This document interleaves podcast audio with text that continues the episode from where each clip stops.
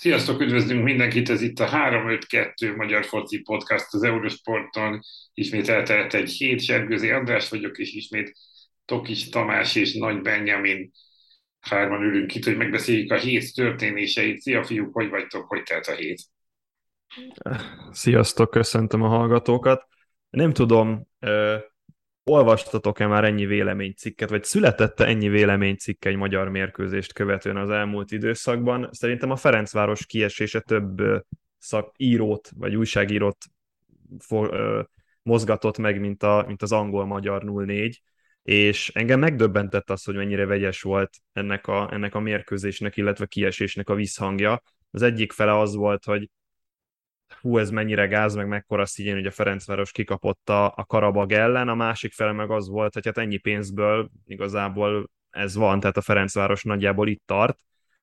Én személy szerint nem értem meg meglepetésként a, a Karabag elleni kiesést, azt viszont hozzá kell tenni, hogy szerintem a médiának, és főleg a mérkőzéssel kiemelten foglalkozó médiumoknak nagy szerepe volt abban, hogy egy, hogy egy kicsit eltértek az objektivitástól, és ez most nem csak a Ferencváros Karabag párharcra vezethető vissza, hanem a többire is, és egy olyan ilyen áll narratívát kreáltak, amiben nem szerepeltek olyan dolgok, ami mondjuk ebben a podcastben, vagy a hosszabbítás podcastben Marosi Gergő szájából elhangzottak volna, és, és ezért nem tudják szerintem, a, ezért nem tudja a közvélemény sem normálisan kezelni a Ferencváros kiesését, és itt, és itt nagyon komoly harc van a között, hogy ez most meglepetés, vagy pedig realitás.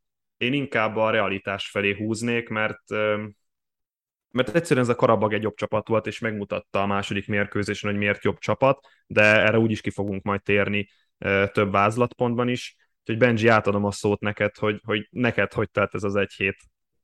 Abból a szempontból igen, nagyon, nagyon furcsa, hogy hogy én is azt érzem, hogy a, még az angol-magyar 04 jel kapcsolatban sem született annyi cikk, mint most.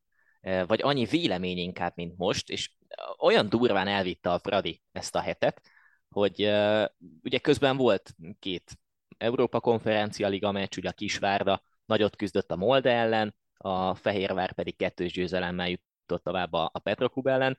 Voltak azért itt átigazolási hírek, és nem mellesleg zajlik az NBA, hogy olyan szinten kiemelkedett ezen a héten a Pradinak a, a meccse, és nem csak egyébként a, a, az, hogy most kiesés vagy éppen továbbjutás történt volna, hanem, hanem én azt érzem, hogy így az utóbbi hetek egészét tekintve a Fradinak a, BL menetelése az nagyon, nagyon vitte a prémet a, a hazai sajtóban, sokkal inkább, mint mondjuk az előző évben, vagy az előző két évben.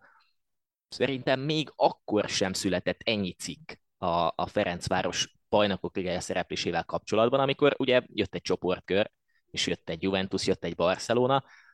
Nem tudom, hogy ennek mi az oka. Lehet, hogy sokkal inkább az, hogy egy olyan téthelyzet van már most, hogy, hogy tényleg évről évre mindenki, vagy egész sokan elvárják azt a, a Ferencvárostól, hogy itt most bajnokok ligája csoportkörbe kell jutni. Nem tudom, hogy ennek ez lehet-e az oka, vagy csak van egy ilyen trend most, vagy egy ilyen hype most, nem tudom miért a, a csapat körül, de de érdekes jelenség, úgyhogy ez vitte a hetet nem csak nálam, hanem így ugye beszéltünk hétközben többször, így mind a hármunknál, meg gyakorlatilag minden foci szeretőnél az országban. Reméltem, hogy valamelyik köztük legalább megemlíti a Debrecen Kecskemét rangadót szombatról, de hát sajnos elvitte a Ferencváros a prímet. De milyen, jó, de milyen jó, hogy te felhoztad most. Látod, látod van, aki gondol, gondol az igazán jó meccsekre is, de a lényeg az, hogy valóban ezekről az okokról fogunk részletesen is beszélni, de előbb kicsit beszéljünk magáról a meccsről. Mondok egy névsort, kérlek titeket, hogy fejezzétek be, nem lesz nehéz, de aztán majd rátérünk arra, hogy miért ez a névsor. Tehát Bobby Davison, Csató Sándor, Craig Short, Bruckner Basztó, Nagy Tamás, Détali Lajos, Ricardo Moniz, Máté Csaba, Tomás Dol, hogy folytatódik? Szerhi Rebrov, Péter Stöger, Stanislav Csercseszov, és néha köztem Áté Csaba. Hát, igen. A, a lényeg az, hogy ugye a Ferencváros edzőiről van szó 2008-tól napjainkig. 2008 az a nap, amikor a Karabag edzőjét kinevezték, aki azóta is ott ül a csapatnál. Nem lehet, hogy ez a legnagyobb különbség a kettő között, hogy Karavakban 14 éve ugyanaz a projekt zajlik, nálunk pedig két-három évente újra kezdjük. Még ha van is egy tíz éve tartó másfajta Ferencváros, mint előtte, de azért a kettő közt lehet egy ilyen különbség. Én hasonlóképpen szerettem volna indítani a monológomat, tényleg, teljes, teljes mértékben. Tehát a Ferencvárosnál van ugye a klubvezetés, szakmai vezetőség, mit tudom, a Hajnal Tamás sportigazgató és a slepje, és az edzői stáb. Na most ez a három szerintem nincs összhangban, de nem, hogy ez a három, tehát a, a háromból kettő sincsen összhangban, és ez a legnagyobb probléma. A Karabagnál szerintem a háromból legalább kettő összhangban van, és emiatt van az, hogy 14 éve Gurban Gurbanova vezetőedzője a Karabagnak, és nyilván 14 év alatt ki tud alakulni egy olyan stílus, amivel nem csak a hazai környezetben, hanem ugyanúgy Európa szinten is lehet egy, egyfajta stílus teremteni, és a Karabag tökéletesen hozta azt, amit, amit várni lehetett tőlük a párharcot megelőzően.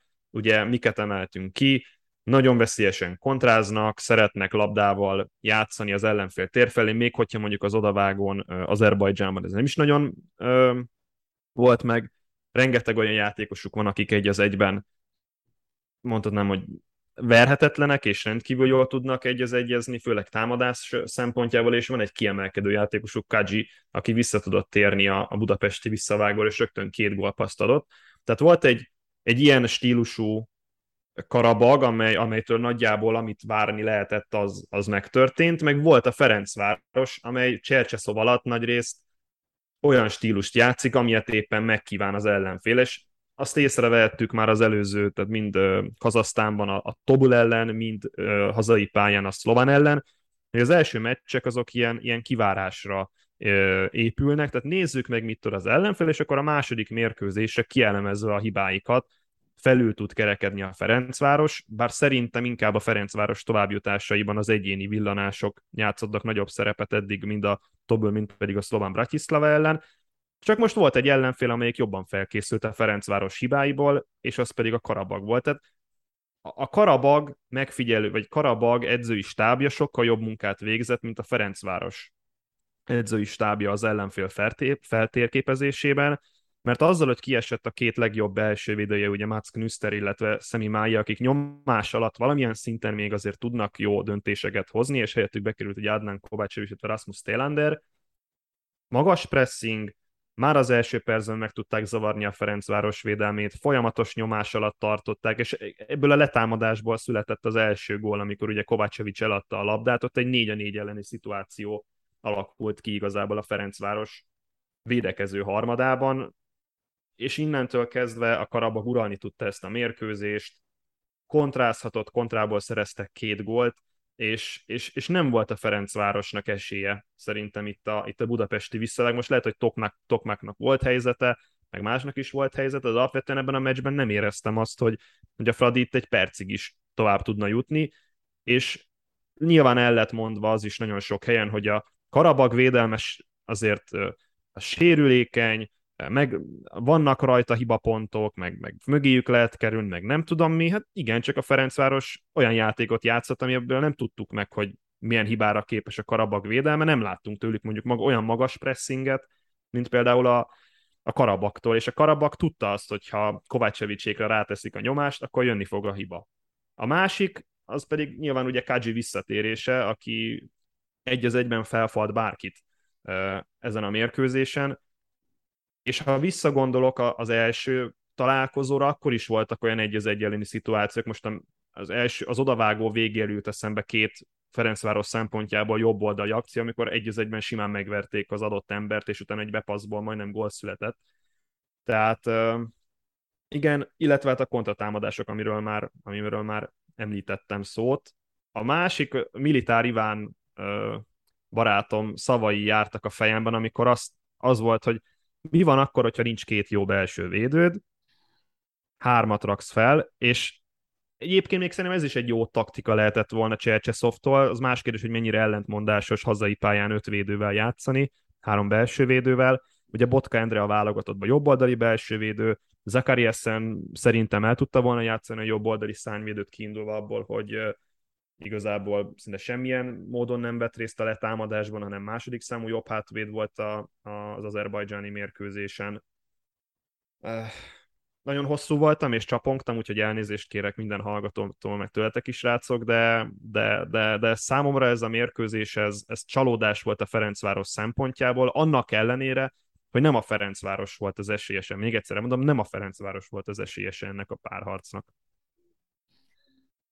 Én három dolgot emelnék ki.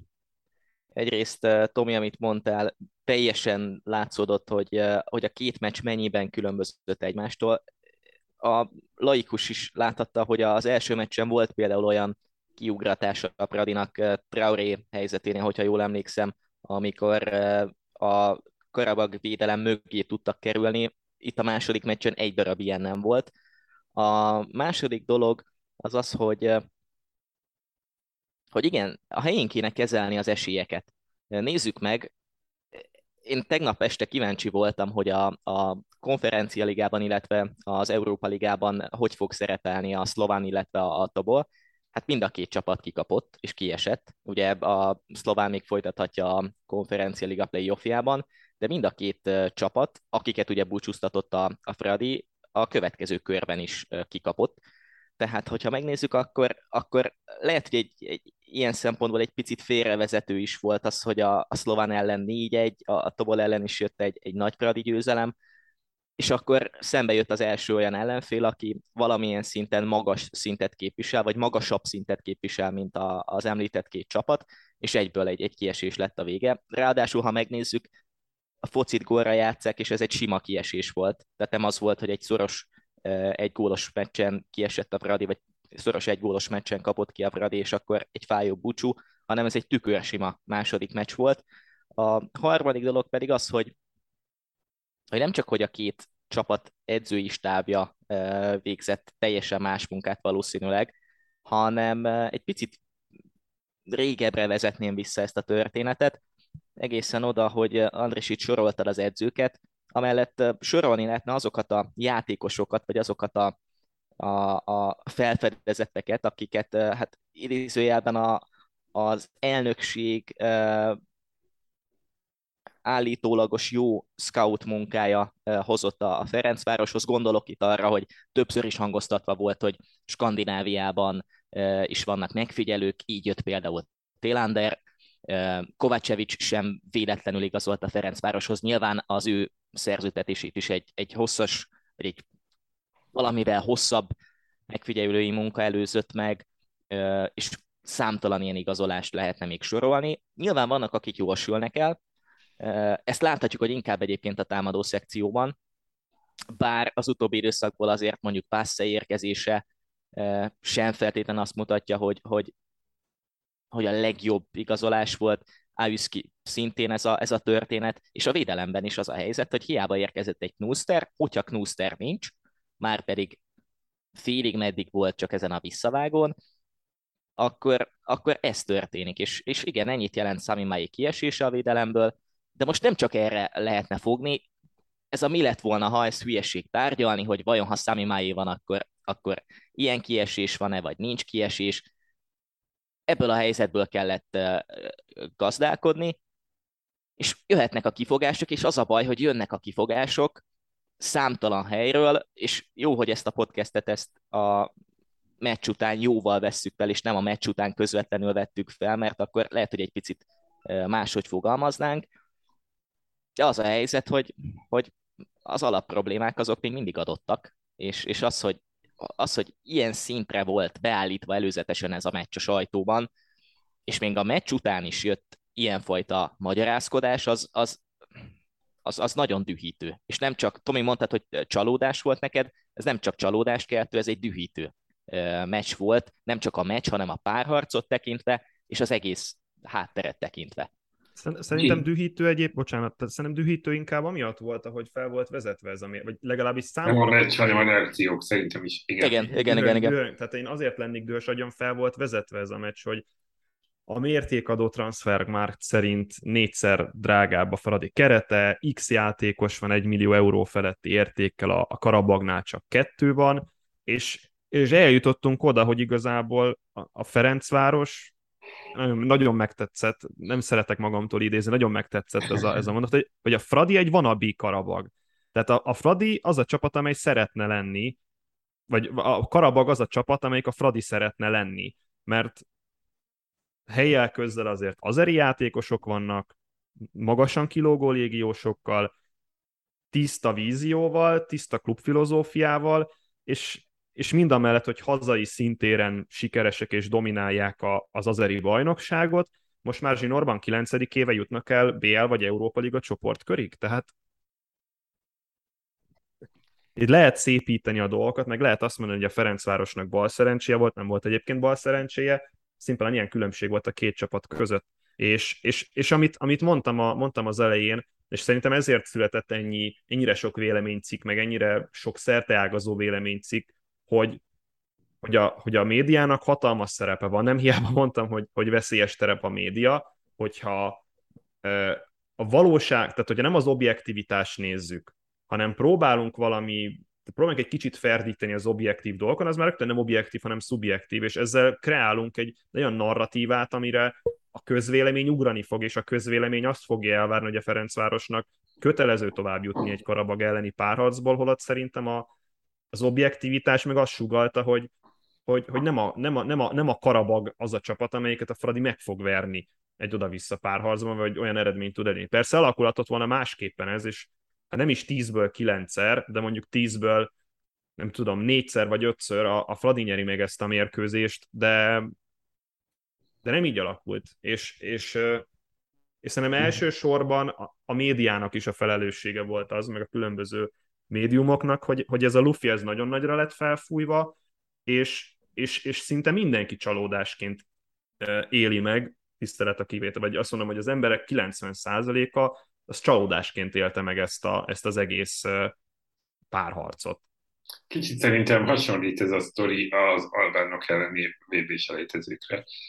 Tehát, hogy, hogy, hogy azt gondoljuk, hogy azt gondolja egy átlag foci szurkoló, hogy ami tőlünk nyugatra van, azok jó csapatok, ami tőlünk keletre van, az Mordor, és akkor ott, hát jó. Mi hát, alattunk meg fölöttünk, az meg ugyanolyan képességű. Igen, igen, igen. igen. Hogy ott jó, hát a birkapásztorok ott elfocizgatnak, és akkor majd azokat megverjük, hát Albániát oda-vissza, meg volt hát oda-vissza, csak ne, na mindegy, szóval emlékszünk rá. De a lényeg az, hogy, hogy, hogy kicsit az van, az van valószínűleg így a közéleményben, hogy Hát a kazak meg az azeri bajnok, hát nehogy már a magyar foci ne legyen annál jobb. Holott, ha egy részleteiben belenézünk, akkor nyilván látjuk ezeket a, ezeket a különbségeket, és akkor ennek szerintem még kicsit rosszat is tett, hogy az egyébként messze a fényétől lévő szlován Bratislava volt a második ellenfél, mert ott, ott meg lehetett kvázi ezeket a politikai felhangokat, magyar-szlovák ellentétet 30 évvel ezelőtt sztorit behozni, ami azt mutatta, hogy jó, persze, a szlován, a szlován az, őket meg tudtuk venni, hát akkor ez most óriási holott, holott, hát azt beszéltük mi is itt, meg hát, ahogy mondtad, Benji, az látszik is, hogy ez a szlován már bőven nem az, mint, mint volt a 90-es években.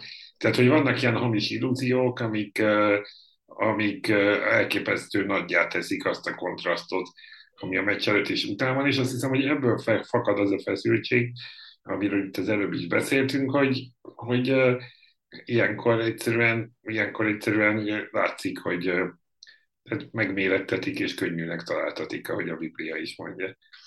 És ha már illúziók, akkor feltetjük a kérdést, hogy valóban fejlődött annyit a, a Ferencváros, hogy itt most évről évre mindig a BL csoportkörnek kell következnie?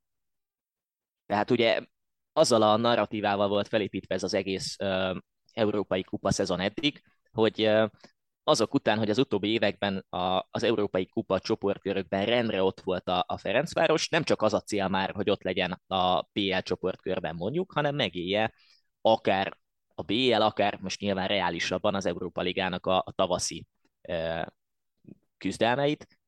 Most ehhez képest akkor tényleg felmerül a kérdés, hogy, hogy ez is egy illúzió volt-e, vagy hogy ez, ez a valóság, hogy, hogy oké, okay, megint lesz egy, egy csoportkör, de, de nem biztos, hogy olyan szintű a fejlődés. A játékos keretet nézve, a szakmai munkát nézve, amilyet itt most a, akár a vezetőség, akár a szurkolók azok előzetesen többször is elmondtak. Hát szerintem egy józan értékelésben, bocs Tomi, mindjárt azt mondjad, egy józan értékelésben szerintem benne van az, hogy én nem emlékszem, most így nem fogom tudni kivágni a hivatalos nyilatkozatokat, de hogy szerintem nem volt elvárás sosem a BL csoportkör, az volt az elvárás, hogy legyen csoportkör. És, és ha, ha, ha egy józan értékelést hallgatunk, amiből azért lehet, hogy több van, mint amekkora elvárások voltak idén a Fradival szemben, hogy azért abban benne van az, hogy amikor bejutott a Fradi a BL-be, akkor az tényleg egy, egy megcsillagozott selejtező sorozat volt, ahol a négyből háromszor kellett csak ö, kellett egy meccset játszani, és csak a Molde ellen játszottunk, vagy játszott a Fradi ugye kettőt.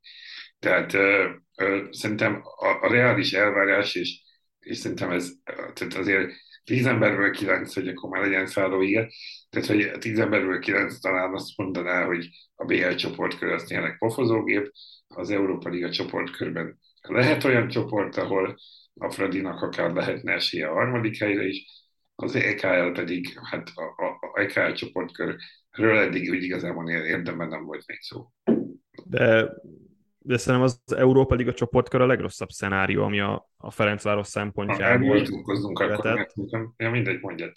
Tehát, tehát az előző évben is az volt, hogy három olyan ellenfél, ellenfelet kapott a Ferencváros, amelyekkel nem tudott sokáig pariba lenni. Nyilván a Leverkusen elleni nyitó, nyitó mérkőzés az, az tök jól nézett ki, meg ott, meg ott Péter Stöger taktikáját elnézve így merett a szemünk, hogy úristen, mit csinál a Fradi.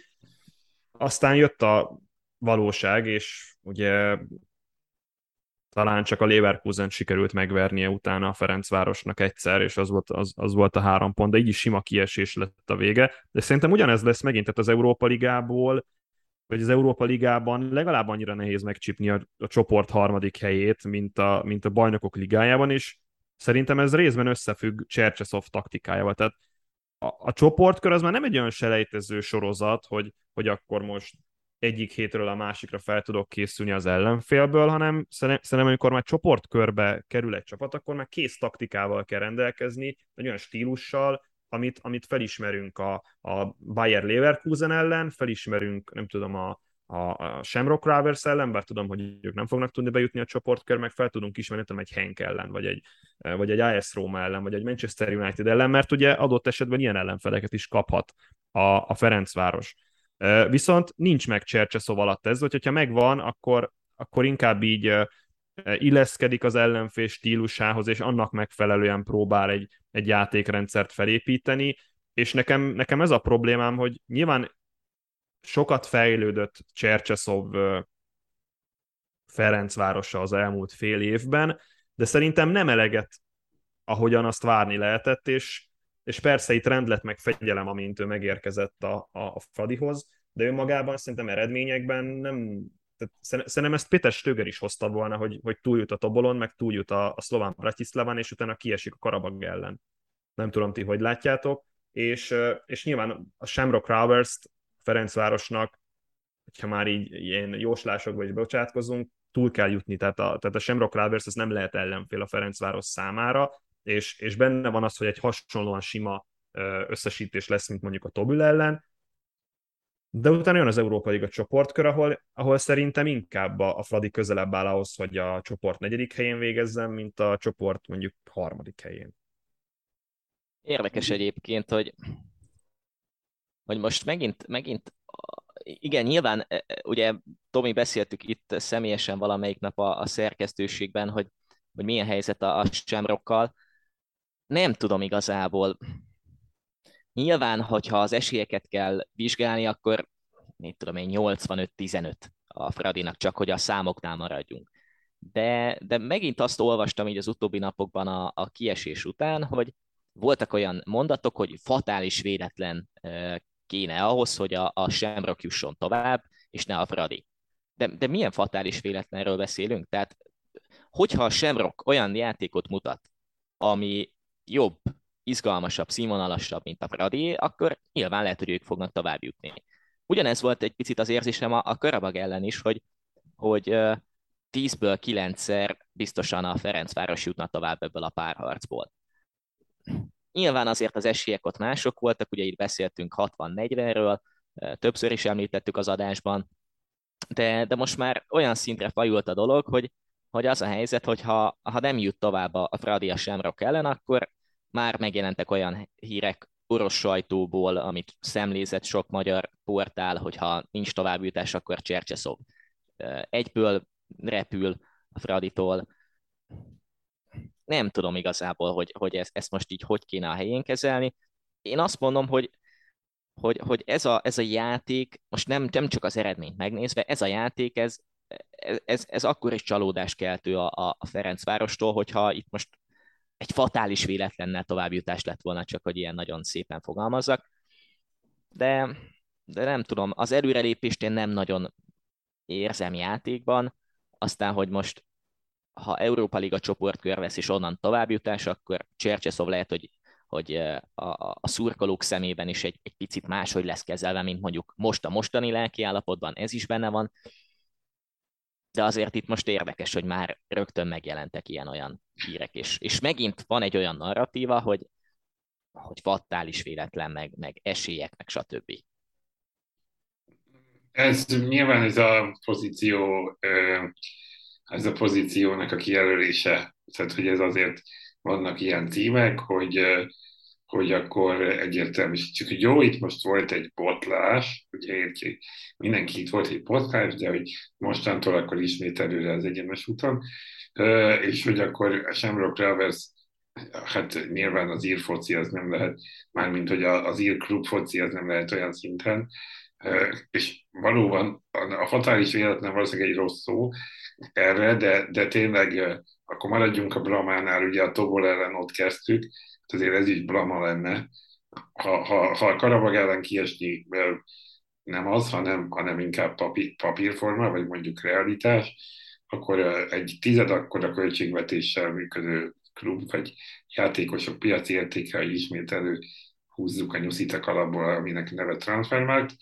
Tehát, hogy, hogy azért, ez egy, azért ez egy jelentős különbség kéne, hogy legyen, ami persze simán eltüntethető, vagy nem simán, de eltüntethető a pályán, hogyha, hogyha a Semrock jobban kiismerheti a Fradit, mint, mint fordítva, ahogy az első meccsen el is tüntette a Szlován Bratislava is, még ha talán ez a csapat, nem tudom, hogy összehasonlítjuk az ír meg a szlovák csapatot, akkor hol lennénk, de, de tényleg hol lennénk szerintetek? Tehát sem könnyebben kiejthető, mint volt a szlován? Bocsánat, elnézést mindenkit, de most nem néztem meg a Shamrock Rovers összefoglalóit, mielőtt ah. bejöttem volna az adásra. De én még mindig, tehát most visszanéztem az eredményeket, ugye a máltai bajnokot verték meg a BL selejtező, vagy a BL első selejtező körében, aztán kiestek a Ludogorec ellen, igaz, otthon megverték a Ludogorecet, aztán meg most a, egy macedon csapat ellen mentek tovább az Európa Liga mm, harmadik vagy első selejtező körében. Ez így, ez így lehet. Szerintem, szerintem ez, ez simának kell lenni a Fradinak, és nagyjából így a, így a Tobl és a, és a Szlován Bratislava között uh, tudom bepozícionálni a Shamrock Rovers-t. Igen, nagyjából én is. Annyi, annyi a kérdés egyedül, hogy, hogy szerintetek, és akkor kérdésre kérdés, szerintetek ez alapján, a három eddigi párharc alapján lehet valahova pozícionálni a, a Ferencváros jelenlegi szezonban mutatott játékát? Mert ugye itt többször vizsgáltuk azt, hogy voltak az első meccsek, Tobol ellen volt a, Szlován ellen, aztán jött egy jobb második meccs, a Karabag ellen jött egy gyengébb második meccs. Én még mindig azt érzem, hogy, hogy nem lehet hova tenni a csapatnak a jelenlegi erejét vagy tudását. És lehet, hogy most lesz az első olyan párharc, egy tükörsima párharc, mit tudom én, 5-0-ás, 6-0-ás összesítéssel, ahol, ahol azért megmutatja a Ferencváros, hogy sokkal inkább lehet igaz az a két második meccs, vagy jöhet egy szenvedősebb, ahol sokkal inkább a Karabag elleni párharc. Én még mindig nem tudom hova tenni ezt a csapatot. Na most visszavezetném oda, ahol kezdtük az egész adást, meg a, meg a Fradi témát, hogy, hogy jelenleg nincsen szakmai, olyan szintű szakmai koncepció, ami megszabná mondjuk a Ferencváros játék stílusát, mert a Ferencváros játék stílusát jelenleg nem a klub filozófiája szabja meg, hanem a mindenkori edző. És Csercseszov alatt még nem alakult ki egy olyan Ferencvárosi stílus, ami európai szinten két mérkőzést egymás után ugyanúgy hozna le. Hiszen megláthattuk az első és nekem megint az, ami az előző adásban, hogy itt, itt valaki nem végez jó munkát az ellenfelek feltérkép, feltérképezésénél, mert mert az első meccsek azok olyanok, mint nem tudom, 50 éve, hogy nem láttuk a csapat, nem láttuk az, ellen, nem láttuk az ellenfélről a felvételeket, lemegy a 90 perc, aztán a második meccse meg kielemezzük, és, és majd lesz valami. Ugyanezt történt ugye az első két párharcban, a harmadiknál meg volt egy ellenfél, amelyik jobban kielemezte a Ferencváros hibait, vagy inkább azt mondom, hogy csak és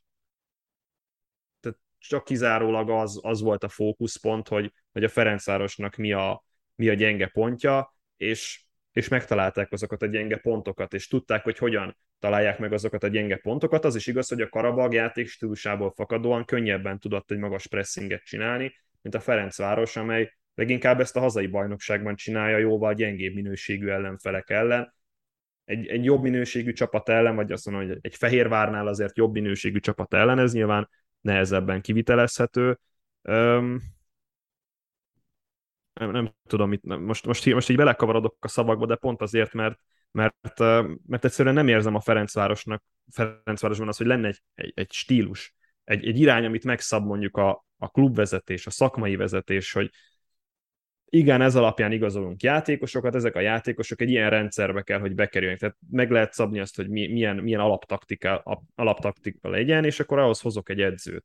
És én úgy látom, hogy, hogy Csercseszov hozott magával egy identitást, hozott magával egy stílust, és ez alapján próbál a Ferencváros játszani, de visszamehetünk korábban. Stöger is ezt próbálta ját, Stöger is a saját stílusa alapján próbált játszani, Szerhí Rebrov a saját stílusa alapján já, tudott játszani, és rendkívül sikeres volt egyébként, ő nagyon jól csinálta ezt, Tomás Dolnak is megvolt a stílusa, Ricardo Moniznak is megvolt a stílusa, Runkner Lászlónak is megvolt a stílusa, tehát itt vissza lehet menni szépen egészen akár László Csabáig, nem tudod megmondani, hogy mi a Fradi stílusa. Még mondjuk érted, egy, nyom, most messzire megyek, de egy Barcelonánál tudod, hogy mire számíthatsz, hogy nagyjából mi lesz. Vagy egy, egy Red Bull iskola által felépített csap, klubnál tudod, hogy mire számíthatsz. Vagy, vagy most a német klubok nagy része ugye pont a Red Bull iskolára épült, tudod, hogy mire számíthatsz. Eljössz ide, megnézed a Fradi meccsét, és nem, tud, nem látsz két ugyanolyan mérkőzést. Sem itthon, Igen. sem, sem pedig nemzetközi szinten. Igen. Igen, hát nem kell ehhez Barcelonának lenni, tehát egyszerűen tényleg azt kell, hogy legyen egy, egy, egy világos. Bocsánat, ne, akkor nem Barcelona, Bognár György Paks. Megvolt a tiszta filozófia, mondjuk ott is az edző részéről, de meg volt a tiszta filozófia. Még egy, még, egy, még egy kérdés, mi, mielőtt tovább ö, mennénk. Tomi felhozta Stögert, és ez megint egy picit provokatív kérdés, nem az én kérdésem kommentből ö, szedtem ki. A te kommentedből? Nem, nem az én kommentemből, ö, így a meccs alatt zanzázgattam, hogy, hogy, ö, hogy mik az ilyen provokatívabb kommentek, hogy akkor Stöger miért nem maradhatott? És ez, ez tényleg... Mert nem tudott rendet tartani, mert itt Magyarországon ilyen rendfetisizmus van, hogy, hogy rend, munka, fegyelem, harcolunk, küzdünk, Érted? Tehát a, a lelátón sem az, az, az jön a Fradi szurkolóktól, hogy játszon, játszon a csapat, hanem azt, hogy harcoljatok. Igen. Itt egy olyan edző kellett, aki, aki, aki rendet tud teremteni az öltözőben, akinél nem lázad Alszel Ayduni, nem lázad Ryan Maillé, nem lázad XY, akinek rendet kellett rakni a fejekbe, hogy itt, itt igenis katonás rend van, és hogy én nem kérek, hanem, hanem, hanem elmondom az utasítást, és az lesz. Ferencvárosnak ez kell. Hát. De egyébként nem, nem akarok, hadd legyek az ügyvédje, tehát hogy nem lehet, hogy tényleg egy olyan játékos állomány van, ahol tehát nem eléggé nyugat-európai ez a csapat ahhoz, hogy egy ilyen demokratikus edzője legyen, mint a Stöger? Nem, nem tudom, nem vagyunk a klub, a klub kultúrája, egész, egész magyarországi kultúrát nézve Szerintem nem tudsz ide egy nyugat-európai edzőt hmm. beépíteni. Egyrészt a közeg miatt, másrészt meg a, meg a tehát, hogyha itt elkezdesz szép focit játszani, passzolsz négyet hátul, elkezdenek fütyülni a nézők, hogy miért nem támadsz. Igen, érted? igen, igen, igen.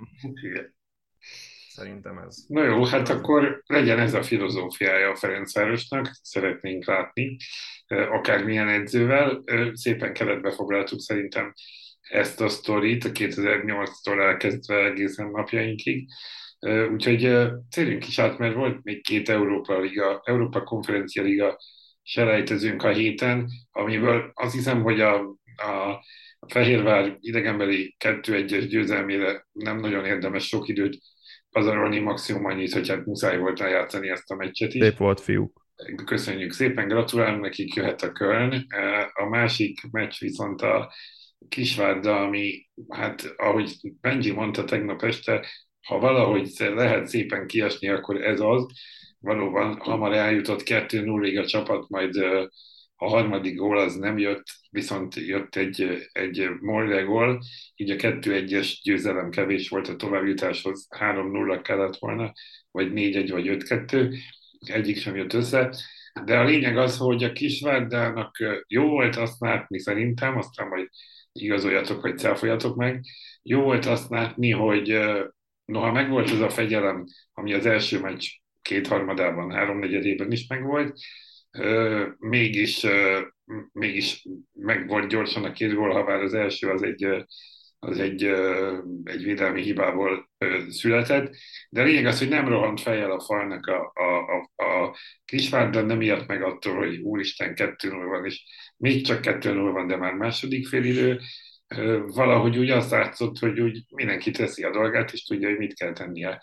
Tehát, hogy picit, mintha rend és fegyelem lett volna a szó jó értelmében a pályán, és valószínűleg ez okozza azt, hogy, hogy most ilyen lelkesedéssel beszélünk a kisvárda kieséséről.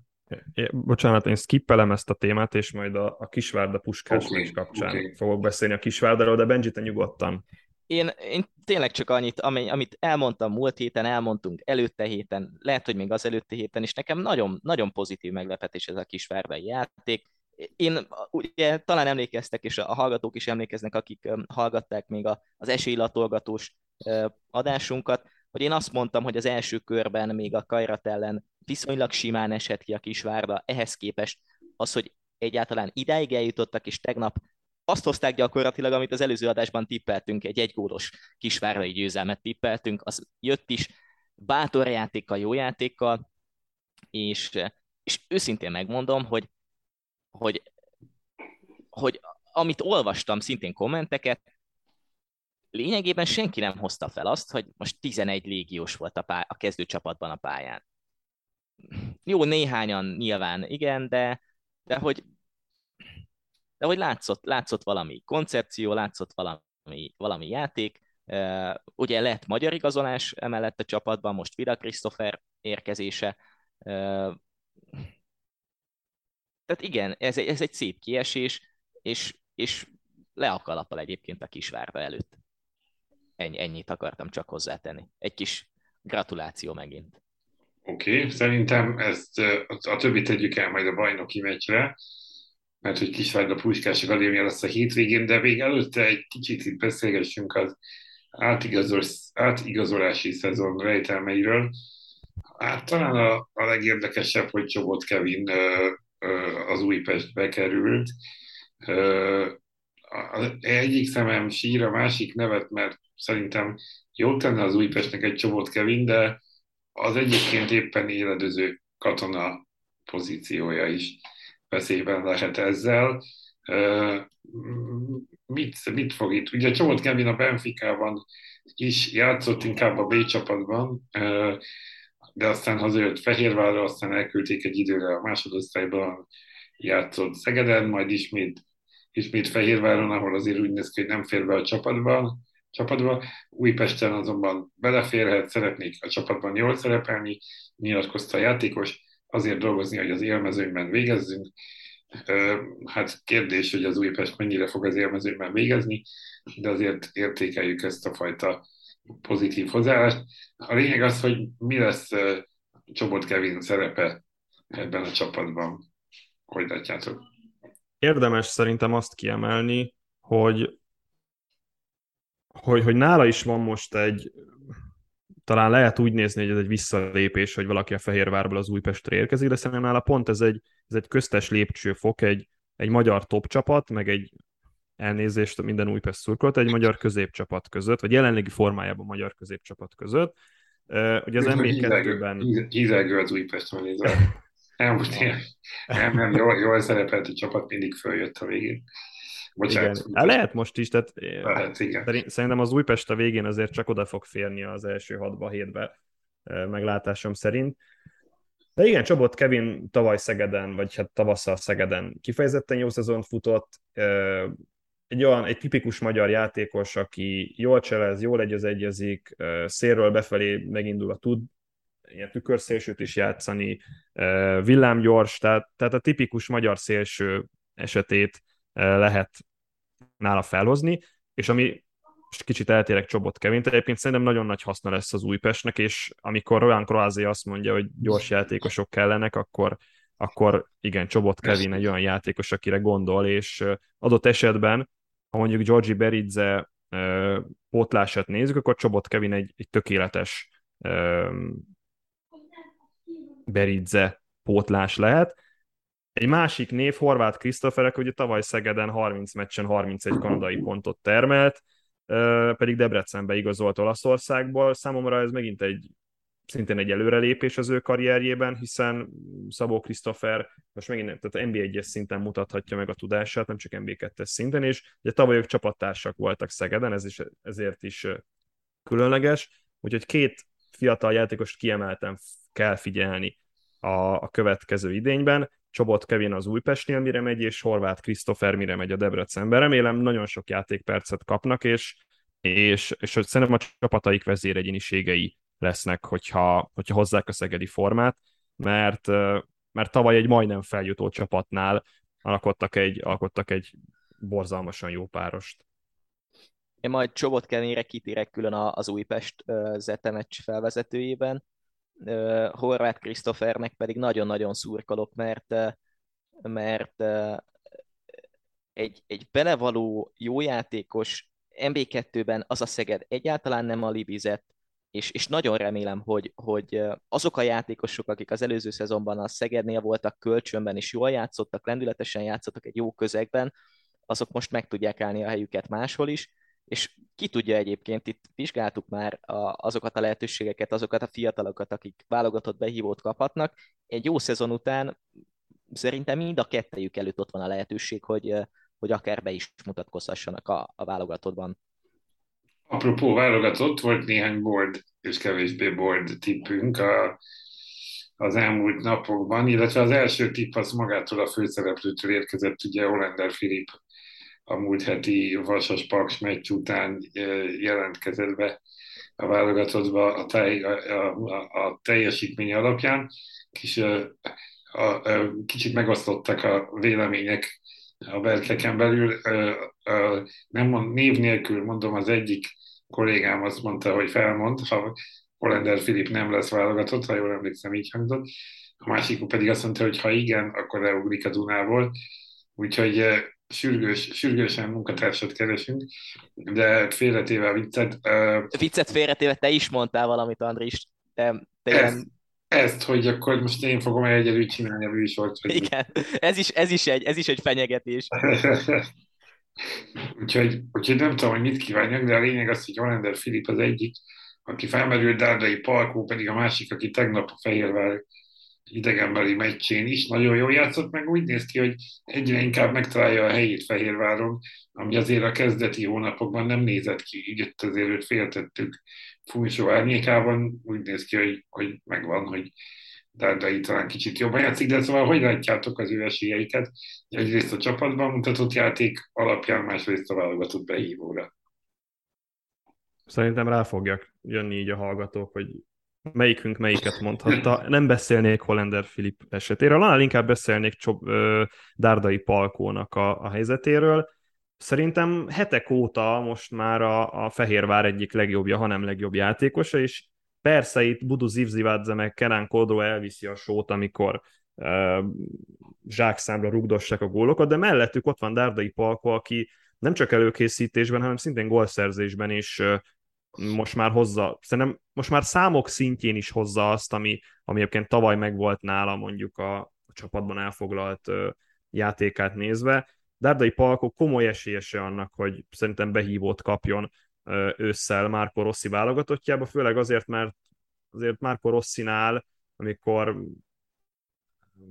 be kell hívni egy szélső játékos, vagy egy összekötő játékos, ami adott esetben mondjuk Dárdai Palkó még illik is ebbe a stílusba. Más kérdés, hogy Sallainál vagy Szoboszlainál nem jobb, vagy éppen Gazdag Dánielnél, de ott van Sőn Szabolcs a keretben, aki egyáltalán nem játszik Amerikában, és amikor egy nem játszó, meg egy játszó játékos között kell dönteni, akkor azért nyilván sokat nyom alatba, hogy hol nem játszik az adott, meg hol játszik a másik, de Dárdai Palkó most, most, most, most mutatja meg azt, hogy ő azért Németországban nem, tehát hogy Németországban is játszott, hú, ez most nagyon, nagyon nagyon hülye szakértőt hozok ezzel a mondatod, hogy Németországban is játszott Dárdai Palko, és ezért mutatja meg, hogy, hogy mit tudott Németországban összeszedni magára.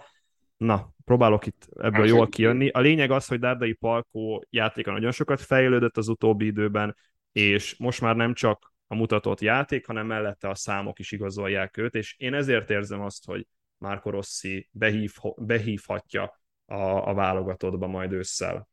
No, akkor piros sarokban Dárdai Palkó, vagy akarsz ez még valamit, Benji? Annyi, annyi hogy a, tényleg annyi, annyi játékos kapcsán említettük az utóbbi hetekben, hogy, hogy hogy a mutatott, jelenlegi mutatott játék alapján, és amit várunk tőle, simán kaphatna egy válogatott meghívót, hogy, hogy kíváncsi vagyok arra, hogy ebből tényleg hány kap majd tényleges lehetőséget, mert az a helyzet, hogy, hogy itt nagyon nem, nem, nem dobálóztunk a nevekkel olyan szinten, hogy, hogy irreális legyen a bármelyik lehetőség. Én szurkolok egyébként Palkónak, mert, mert Tomi, igen, amit mondtál, ahhoz kapcsolva, tehát a rugó technikáját is megnézve, Mm, egy, egy nagyon-nagyon ígéretes játékos. Ennyi, és akkor jön a kék sarok, jól sejtem? Kék sarkat, igen. E, igen, e, hát Hollander Filip, én, én azért is e, írtam, amit írtam, mert, e, mert amikor Hollander Filip a válogatottban a, azon a bal szélen játszott, ami ugye most egy picit lyukas lesz így Nagy Zsolt sérülése miatt az őszi meccseken, ott szerintem nem teljesített rosszul. Voltak kifejezetten jó meccsei, nyilván azért itt a válogatott taktikáját egy picit át kell alakítani. Kíváncsi vagyok, hogy mondjuk Hangya Szilveszter fogja-e megkapni azt a pozíciót így Nagy Zsolt hiányában, vagy, vagy, vagy, vagy pontosan mit csinálott Márkó Rossi. Kerkez. Milos, Kerkez Milos. Így van, Kerkez Milos. Reméljük egyébként, hogy Kerkez Milos kapja meg a, a lehetőséget kezdőként de, de szívesen megnézném a válogatottban Hollendert a hozzáállása miatt, aztán, aztán ki tudja, hogy, hogy egyáltalán meghívót kap-e, vagy hogy folytatja a vasasban. Az a helyzet, hogy az ő pozíciójával kapcsolatban sem tudunk pontosat mondani, mert gyakorlatilag egy három-négy pozícióban feltűnt így az utóbbi két évet tekintve. Mi előny is, hátrány is, bár inkább előny kellene, hogy legyen. Hátrány viszont az, hogy azért Rossi nem nagyon szokott dobálózni az NB1-es behívókkal, szóval, hogy, hogy nagyon-nagyon ki kell emelkedni, nagyon jól kell teljesíteni hosszú időn keresztül ahhoz az NB1-ben, hogy, hogy esélye legyen, amit részben meg is értünk, részben viszont sajnálunk, mert, mert ez is növelni az NB1-nek a, a minőségét, hogyha olyan válogatottak lennének, illetve hogy olyan itteni teljesítményen is be lehetne kerülni. De zárásul van még egy, ö, ö, egy blokkunk, ez pedig az NBA egy következő fordulója, ugye a péntek délelőtt vesszük fel ezt az adást, pár percben mindegyik meccsről még a végén itt ejtünk néhány szót, ugye ma este már Debrecen Vasas találkozóval kezdünk. Hát ez a Vasas azért már jobban hasonlított arra a Paksalani meccsen, mint, a, mint az első fordulóban talán a Debrecen azonban egy egy-egyes döntetment játszott az első, nem, bocsánat, a második fordulóban a Kecskemét ellen, előtte a Kisvárda ellen egy kettő-kettőt, tehát két egyszerre veretlen és nyeretlen csapat találkozója lesz. Hát azért ez a Vasas, ez inkább úgy mondom, hogy 45 percig baromi jól nézett ki a Paks ellen, aztán a másik 45 percben meg inkább a Kecskemét elleni formát hozták. Van egy dinamikus duó kialakulóban az NBA-ben, ez a Radó Hollander páros, ami nagyon, nagyon jól muzsikált a, a Paks elleni mérkőzésen. Barát Boton teljesítményével nem vagyok maradéktalanul elégedett, és, és az, hogy Kutor Attila három belső védőre váltott, ez, ez egy újítás nála a, a Vasas eddigi játékát nézve, inkább azért a négyvédős rendszerben futballozott eddig az MB2-ben Kutor Attila irányításával a Vasas, és most azzal, hogy Barát Botondot Otikba és Imbor mellé becsúszott harmadik belső védőnek, így azért szabadabban léphetnek fel a bal és jobb oldali szárnyvédők. Sie Erik amúgy is nagyon szeret támadni, és, és ő kulcsfontosságú volt a, a Vasas két góljában, ugye mind a kétszer a bal oldalról sikerült gólt elérni a Vasasban, és, vagy a Vasasnak a Paks elleni mérkőzésen, és azokban az interakciókban neki nagyon nagy szerepe volt. A jobb oldal, Civacski Donát nem mondom, hogy hasonlóan hatékonyan tud támadásban, vagy támadásépítésben részt mint Sierik, de, de Siére egyébként érdemes lesz figyelni ezeken a mérkőzéseken, és adott esetben a Debrecen egy kényelmes ellenfél lehet Utor Attiláéknak, hiszen amellett, hogy hátul nem elég hatékony a Loki, most elől sem annyira hatékony a Loki, mint volt mondjuk tavalyi szezonban sem volt hatékony hátul, de legalább elől az volt, és sok volt szereztek. Itt a Kecskemét ellen volt Bárány Donátnak hát egy, egy szezonra elegendő helyzete. 2,31-es XG-re lőtt egy gólt, tehát mínusz 1,31-es alul teljesítése volt Bárány Donátnak. Szerintem ilyen átlagosan 5,5 méterről voltak kapurelövései egyébként a, a fiatal magyar játékosnak. Tehát ezen a találkozón az első számú döntés, vagy a leg, leginkább döntő folyamat az lesz, hogy a Vasas milyen mértékben tudja kihasználni a Debrecen nem túl stabil védelmi, vagy nem, tehát nem, mennyire tudja kihasználni a, a védelmi megingásait a Debrecennek, mert azért lesz ebből bőven a mérkőzésen. Még a másik oldalon az, hogy a Debrecennek sokkal hatékonyabbnak kell lenni elől, mert, mert akkor nem csak a Vasas ellen kerülhetnek gondba, hanem, hanem olyan csapatok ellen is, mint a, mint a Kecskemét, és ezért a Kecskemét és a Vasas között hiába játszottak 0-0-át a nyitókörben, azért alapvetően hatalmas különbség van játékban. Bár Donát egyébként szerinted mennyire lesz meghatározó a Debrecenben, és mennyire lesz kitűnő az NB1-ben? Szerintem nem lesz meghatározó, és pont emiatt, hogy nem volt jó a helyzet kihasználása, Nyilván most ez csak egy mérkőzés volt, de, de kicsit ilyen inkonzisztens volt nekem már a előző, meg az MB2-es szezonban is Bárány Donát játéka. Nyilván ott, ott azért sok volt lőtt, de, de hogy így a játéka az, az nem volt kiegyensúlyozott. Ugye a fiataloknál ez benne van, hogy van öt jó meccse, aztán három kevésbé jó, aztán megint három jó, kettő rossz, stb. stb. így lehet folytatni. Szerintem emiatt nem lesz Bárány Donát feltétlenül alapember a Debrecenben, hiába kezdett kettő per kettővel, simán benne van, hogy most öt meccsen nem fog volt rúgni. Uh-huh. Na meglátjuk, szombatra térjünk át, amikor Kecskemét mezőkövest a szombat esti program. Hát a Kecskemét ugye játszott az első fordulóban egy 0-0-et odahaza, majd utána jött Debrecenben egy mérkőzés, ami egy-egy lett, tehát szintén egy veretlen és nyeretlen csapat a Kecskemét. A mezőkövest hát eddig úgy néz ki, hogy tényleg azt hozza, amit vártunk, tehát valahol a mezőny vége felé lesz. Mm, Benji, lehet, meg lehet a Kecskemét első győzelme? Én azt mondom, hogy meg. És azért is lehet a Kecskemét első győzelme, mert mert nagyon érdekes volt a, a Debrecen elleni meccs, abból a szempontból, hogy nyilatkozták a meccs után, meg a meccs előtt is, meg lényegében már a Vasas meccs előtt is, meg után is, hogy ők egy olyan csapat benyomását szeretnék kelteni, akik jól harcolnak, jól küzdenek, főleg a védekezésre összpontosítanak, de közben meg azért néha megtalálják a támadásokat, néha találhatnak egy-egy gólt, Na, szerintem pont a mezőkövesd ellen nem lesznek ebben a szerepben. Hmm, hogyha, hogyha a Honvéd nem múlja alul teljesen magát ebben a szezonban, akkor, akkor nyilván a kiesés talán két legnagyobb várományosa a Kecskemét és a mezőkövesd, így az első két forduló alapján. Viszont a Kecskemét stílusa, az, hogy hogyan alakult át a játékos keret, hogy milyen filozófiát hoznak mondjuk a, az MB2-ből, az talán most jöhet ki ezen a meccsen elsőként igazán. A mezőköves pedig tényleg nem tudunk mást mondani, de, de egyelőre az első két meccs alapján csak ismételni tudjuk magunkat, hogy szürke csapat.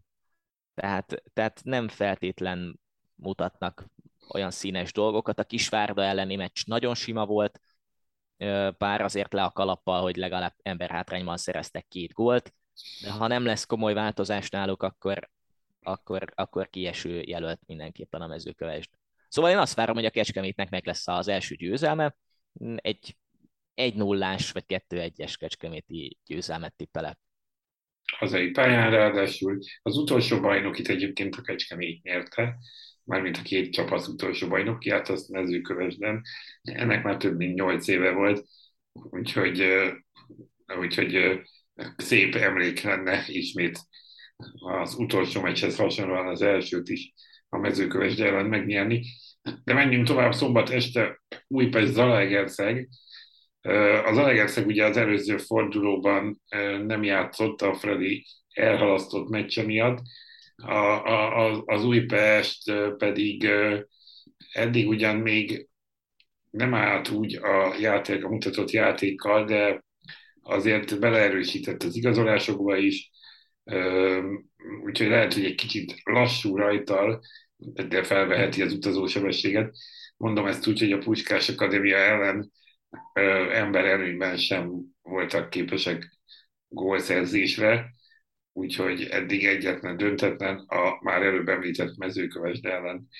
Szóval még az eredmények azért váratnak magukra, de, de talán lehetne előrelépés. Hogy látod ezt? Hát akkor, akkor lehetne előrelépés, hogyha érkezne egy, egy csatár. minőségi csatár. Igen, tehát egy befejező csatár, ezt nyilatkozta Miros Krucsis is, ennyi, ennyi kell gyakorlatilag ebbe a csapatba. Azt látjuk, vagy láthattuk a Puskás Akadémia ellen, hogy a két új igazolás, Borello és Láne vagy még idő kell nekik, vagy nem a legminőségibb igazolások. Ezt nyilván utóbbi. majd az idő, igen, valószínű, hogy az utóbbi, ezt majd az idő eldönti, de, de, de egy befejező csatár hiányzik. Ebből a szempontból hiába halasztották el ugye a Ferencváros elleni bajnokit, az etét sokkal inkább esélyesebbnek érzem, egy sokkal kompaktabb csapatnak mondhatjuk, jó felkészülés után összeszedett társaság, úgyhogy nem lepne meg szerintem titeket sem, de engem se, hogyha itt vendég siker születne. Abszolút. Abszolút, úgyhogy Újpesten még valószínűleg várott magára az első győzelem. Az Alegesz ugye eddig egyetlen meccset játszott a Vasas, a Honvéd bajnoki nyitó meccset két héttel ezelőtt, amikor azért úgy tetszetős volt a játék, elképzelhető, hogy ezt át tudja hozni a következő hétre, de menjünk át a következő napra, mert hogy vasárnap Kisvárda Puskás Akadémia, hát nem tudom, ez lesz a forduló rangadója, vagy a Fradi Fehérvel, Tomi? Mit gondolsz, a Kisvárdáról már beszéltünk sokat, a Puskás Akadémia most már egy ideje nincs ott, már a harmadik fordulóban nem volt ott az Európai Kupában. Mm, én azt gondolnám, hogy itt a hazai csapat van inkább előnyben, bár a fáradtság lehet, hogy jelenik. Szóval. Igen, pont ezt akartam mondani, hogy, a, hogy azért a fáradtság az ott van a Kisvárdánál. Megkövetem magam, amikor azt mondtam, hogy a Kisvárdát én kieső jelöltnek tituláltam talán a legelső adásban, akkor az, az egy nagyon nagy mellélövésem volt, és, és azért mert meglepett, meglepett, hogy előre tudtak lépni. Tehát előre tudott lépni a Kisvárda játékban, és Claudio Bumba távozása ellenére jobban eloszlik, vagy Claudio Bumba távozásának köszönhetően jobban eloszlik a terrel, ez, a, ez az Asani, Kamai, Mesanovic, Makovski négyes, ez, ez, ez, ez kiemelkedő NBA egyes szinten, és ugyan nem tudnám azt mondani, hogy ezzel a szép MLS-es szóval élve, vagy kezdeményező futballt játszik a Kisvárda és a, és a Puskás Akadémia, de a Kisvárda is próbálkozik ezzel, most már nemzetközi meccsen, amit láthattunk a Mold ellen, és, és a Puskás Akadémia is próbálkozik, amit én, amit én kisebb előrelépésnek érzek Hornyák Zsoltéknál. A hét közben készítettem egy nem feltétlen pontos, de azért mondhatom azt, hogy 98%-ban pontos kimutatás, hogy melyik csapat hogyan áll ebben, a, ebben az újdonsült pontrendszerben, ami alapján majd az év végén jutalmat kapnak a, a magyar klubok, ugye a magyar játékosok, illetve a magyar fiatal, tehát 2002 vagy azután született játékosok ö, után kapnak pontokat, és egy pontszámítás alapján el kell érni a 29.700-at, Ebben a Puskás Akadémia áll a legjobban, és némileg annak köszönhető, hogy most egyre több fiatal játékos szerepeltetnek, és ezért Komáromi György vagy Korbu Máriusz játéka szerintem kimagaslik, mondjuk, hogyha hozzáveszünk Kis Tamás, bár ő nem számít bele ebbe a szabályba, vagy éppen Posztobányi Patrikot, aki ugye a védelemben bevethető, akkor azt kell mondjam, a Puskás Akadémiánál, Puskás Akadémiánál elindult egy folyamat, azt nézve, hogy, hogy egyre inkább jön a fókusz a fiatal magyar játékosokra, ami pozitívum lehet, bár nyilván ennek még azért várjuk ki a végét, de, de alapvetően van egy ilyen szándék, és ezt, és ezt meg kell említeni, hiszen a Puskás Akadémiáról gyakran, vagy a Puskás Akadémiával kapcsolatban gyakran felmerül a, az, a, az a poénos kérdés, hogy akadémia-e egy ilyen csapat. Hát igen, de minden esetre most már most már azért valóban ezekkel a számokkal jobban, jobban lehet velük számolni így aztán. De a vasárnap másik rangadója talán a Fradi Fehérvár, mert ugye a Ferencváros lejátsza bajnoki mérkőzését ezen, ezen a héten, jövő héten ismét nem, sőt akkor a Fehérvár sem, úgyhogy ez egy rövidebb bajnoki forduló lesz, de Hát Benji, mit lehet várni egy csalódott Freddy, egy továbbjutó, lelkesebb Fehérvár, mind a két csapat most már majd az Európa Konferencia Ligában folytatja, tehát ha jól emlékszem, mind a két meccs csütörtökön lesz jövő héten. Ez a Freddy Fehérvár, ez mindig egy kicsit kiemelt összecsapás, talán most egy kicsit korán van a bajnokságban ahhoz, hogy hogy, hogy úgy, úgy tudjunk erről beszélni, de mit vársz ettől a meccstől? Hát egy bitang nagy egy-egyes döntetlent, amúgy uh, viccet vagy ilyen tippet félretéve, én sokkal inkább vagyok kíváncsi a kezdőcsapatokra, mint, mint magára a mérkőzésre, hogy, hogy ki az, aki tartalékol, ha egyáltalán lesz tartalékolás, milyen formációban küldi a két vezetőedző pályára a csapatokat. Nem tudom igazából, hogyha valamikor egy, egy Ferencváros Fehérvár meccsen vendégsikert lehet várni, az talán éppen pont most van, és nem amiatt, mert itt a Ferencváros búcsúzott a bajnokok ligájától, hanem, hanem talán látszik az a, a Fehérvári játékon, amit itt a, a kettővel ezelőtti adásban egy picit hiányoltunk, picit igen. hiányoltunk, igen, hogy a támadójáték az nem feltétlen a, a legjobb, a taktika sem feltétlen a legjobb, most azért azt látjuk, hogy Zivzivádze és Kodró jó formában van, szórják a gólokat, akár együtt vannak a pályán, akár nem, ugye általában inkább külön. Van egy, egy jól szervezett és jó formában lévő támadójáték. Nagy kérdés egyébként, hogy a, a Fradinál hogyan áll össze a védelem. Ugye sokan Kovácsevicset az MB3-as csapatban szeretnék látni, vagy inkább sehol. Hogyha ugyanúgy áll össze a védelem, mint a, a, a hétközi meccsen, akkor, akkor azért ott zavarba lehet őket hozni. Ennek ellenére nyilván a, a Ferencváros támadójátékának az erejét azt mindenki tudja, ugyanúgy zavarba hozható a Fehérvári védelem is. Nem tudom, ti mit tippeltek? Most tippeljünk egy picit erre a meccsre. Valóban ez előrejáték változott, tehát azért akármilyen ellenfelek ellen, de azért múlt heti csütörtök vasárnap mégiscsak 9-0 lett a vége ami, ami ez így, ez így jól, jól néz ki, meg ha más nem, legalább azt az önbizalmat megadja, ami a csapatnak a, a, a, a, a személyi állományát megilletné jobban, vagy szóval, hogy többet, többet kellene teljesíteniük. Úgyhogy biztos, hogy lesz mindkét oldalon gól, azt nehezen tudom elképzelni, hogy valamelyiken nulla legyen, de inkább közelebb látom a döntetlenhez, mint, a, mint az idegenbeli győzelemhez. Ha Mikhail Boriszék látták a Karabag elleni meccset, akkor tudják, hogy mit kell csinálni. Igen. Én még azt is belelátom, hogy a Fehérvár hosszú idő után megveri, hosszú idő után, két év után megveri a Ferencvárost. Oké, okay, ez jól hangzik, mármint, hogy jó hangozna akár tímnek is a podcast végére, de majd megszavazzuk az adás után, hogy mi legyen. De menjünk is tovább, mert van még vasárnap egy Honvéd Paks mérkőzésünk. Hát a Honvéd uh, eddig, ha azt mondom, hogy nem teljesít jól, ez nagyon enyhe kifejezés, eddig kettőből semmi, és ami a még durvább az az, hogy, hogy talán messze a legvékonyabb csapat kilóra is, tehát 22-en vannak a keretben. Van a nagyon kiváló csak, csak blog, ugye ez a kispesti szurkolói blog, ahol hát elevezték a következő néhány hétre a Kispest és hát oda jutottak, hogy talán lesznek olyan meccsek, ahol a székek számát nem tudják feltölteni a kispadon, mert hogy, mert hogy annyira kellene még igazolni embereket, mert nagyon sok mindenkit kiszortak.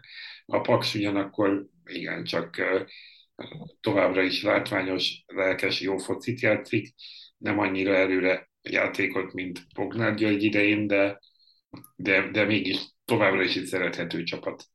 A Paks országos kettes, Tomi? Szerintem igen, Kispesten nagyon nagy gondok vannak. Gondoljunk csak vissza, amikor Tamás és Plakuschenko hogyan reagált a Fehérvár elleni mérkőzésen az első gól előtt elvesztett labdára, így néztek egymásra, és nagyjából három-négy ütemmel később kezdtek el visszafele sprintelni. Lehet, hogy nem Sukka Attila lesz az első kirúgott edző, nem Tem Karc, és én nem tudom, hogy hogyan lesz a Honvédnál ebből, ebből kifele. A Paks pedig egy tök ideális ellenfél ellen készülhet, labdával nem tud dominálni a Honvéd, viszont van náluk labda általában, rosszul védekezik a Honvéd, ez pedig az a Paks, amelyik beszéltük, hogy átmenetekre van be, berendezkedve, közepes pressinget helyez a, az ellen, vagy közepes pressinggel rendelkezik, ez, ez a Waltner bal, ez elég lehet ahhoz, hogy, hogy a Honvédot simán megverjék ezen a mérkőzőn, és hogyha a Honvéd megint kikap, lehet, hogy Tem Korc a harmadik fordulóig volt a, a Honvéd vezetőedzője. De akkor szerintem nem csak Tem Korc, hanem az egész új szakmai stáb átalakulhat, én azt mondom. Tehát a egy... Chris Daherty féle történet is világ lehet, hogy hamar. Jó, de egyébként azt hozzá kell tenni, tehát nyilván kell egy kis időt kapni ennek a koncepciónak is, csak az a gond, hogy nem tudjuk mi a koncepció, meg nem látszódik, hogy mi a koncepció, tehát Igen. Nem tudom, ugye Mikel Ártétánál, most megint nagyon messzire nyúlok, de amikor Mikel Ártétát kinevezték az Arzenál vezetőedzőjének, akkor látszódott már az első mérkőzéseken, hogy nagyjából mi az elképzelése az Arzenálnak, Más kérdés, hogy nem jöttek az eredmények, viszont egy olyan folyamat indult be, amelynek a végén tavaly már az Arzenál majdnem odaérte a bajnokok ligáját érő, vagy bajnokok ligája csoportkört érő negyedik pozícióba az angol bajnokságban. De a Honvédnál nem látsz semmit, tehát vérlázító, ami, ami a Honvédnál folyik, és azt gondoltam, hogy itt végre elindul valami, talán a Honvédnál is egy, egy jó szakmai munka, miután kineveztek egy sportigazgatót, van, van, aki a szakmai munkáért felel, hoztak ennek megfelelően egyzőt, de a játékos politika, meg az átigazolási politika nem ezt mutatja. Hát, hogy mit mutat ez jövő héten, hát nem biztos, hogy mi okosabbak leszünk, de pár héten belül reméljük, vagy ha nem, ez akkor egy másik szakmai vezetés. Befejeződött most így gondolatban, tehát a harmadik forduló az NBA-ben lesz még jövő héten, ahogy lesz 3-5-2 podcast is, két újabb Európa illetve egy Európa Liga és egy Európa Konferencia Liga selejtezőn leszünk túl, illetve egy teljes NBA egyes fordulón. Úgyhogy hallgassatok akkor is minket, addig is nézzetek sok focit, olvassatok cikkeket, sziasztok! Sziasztok! Sziasztok!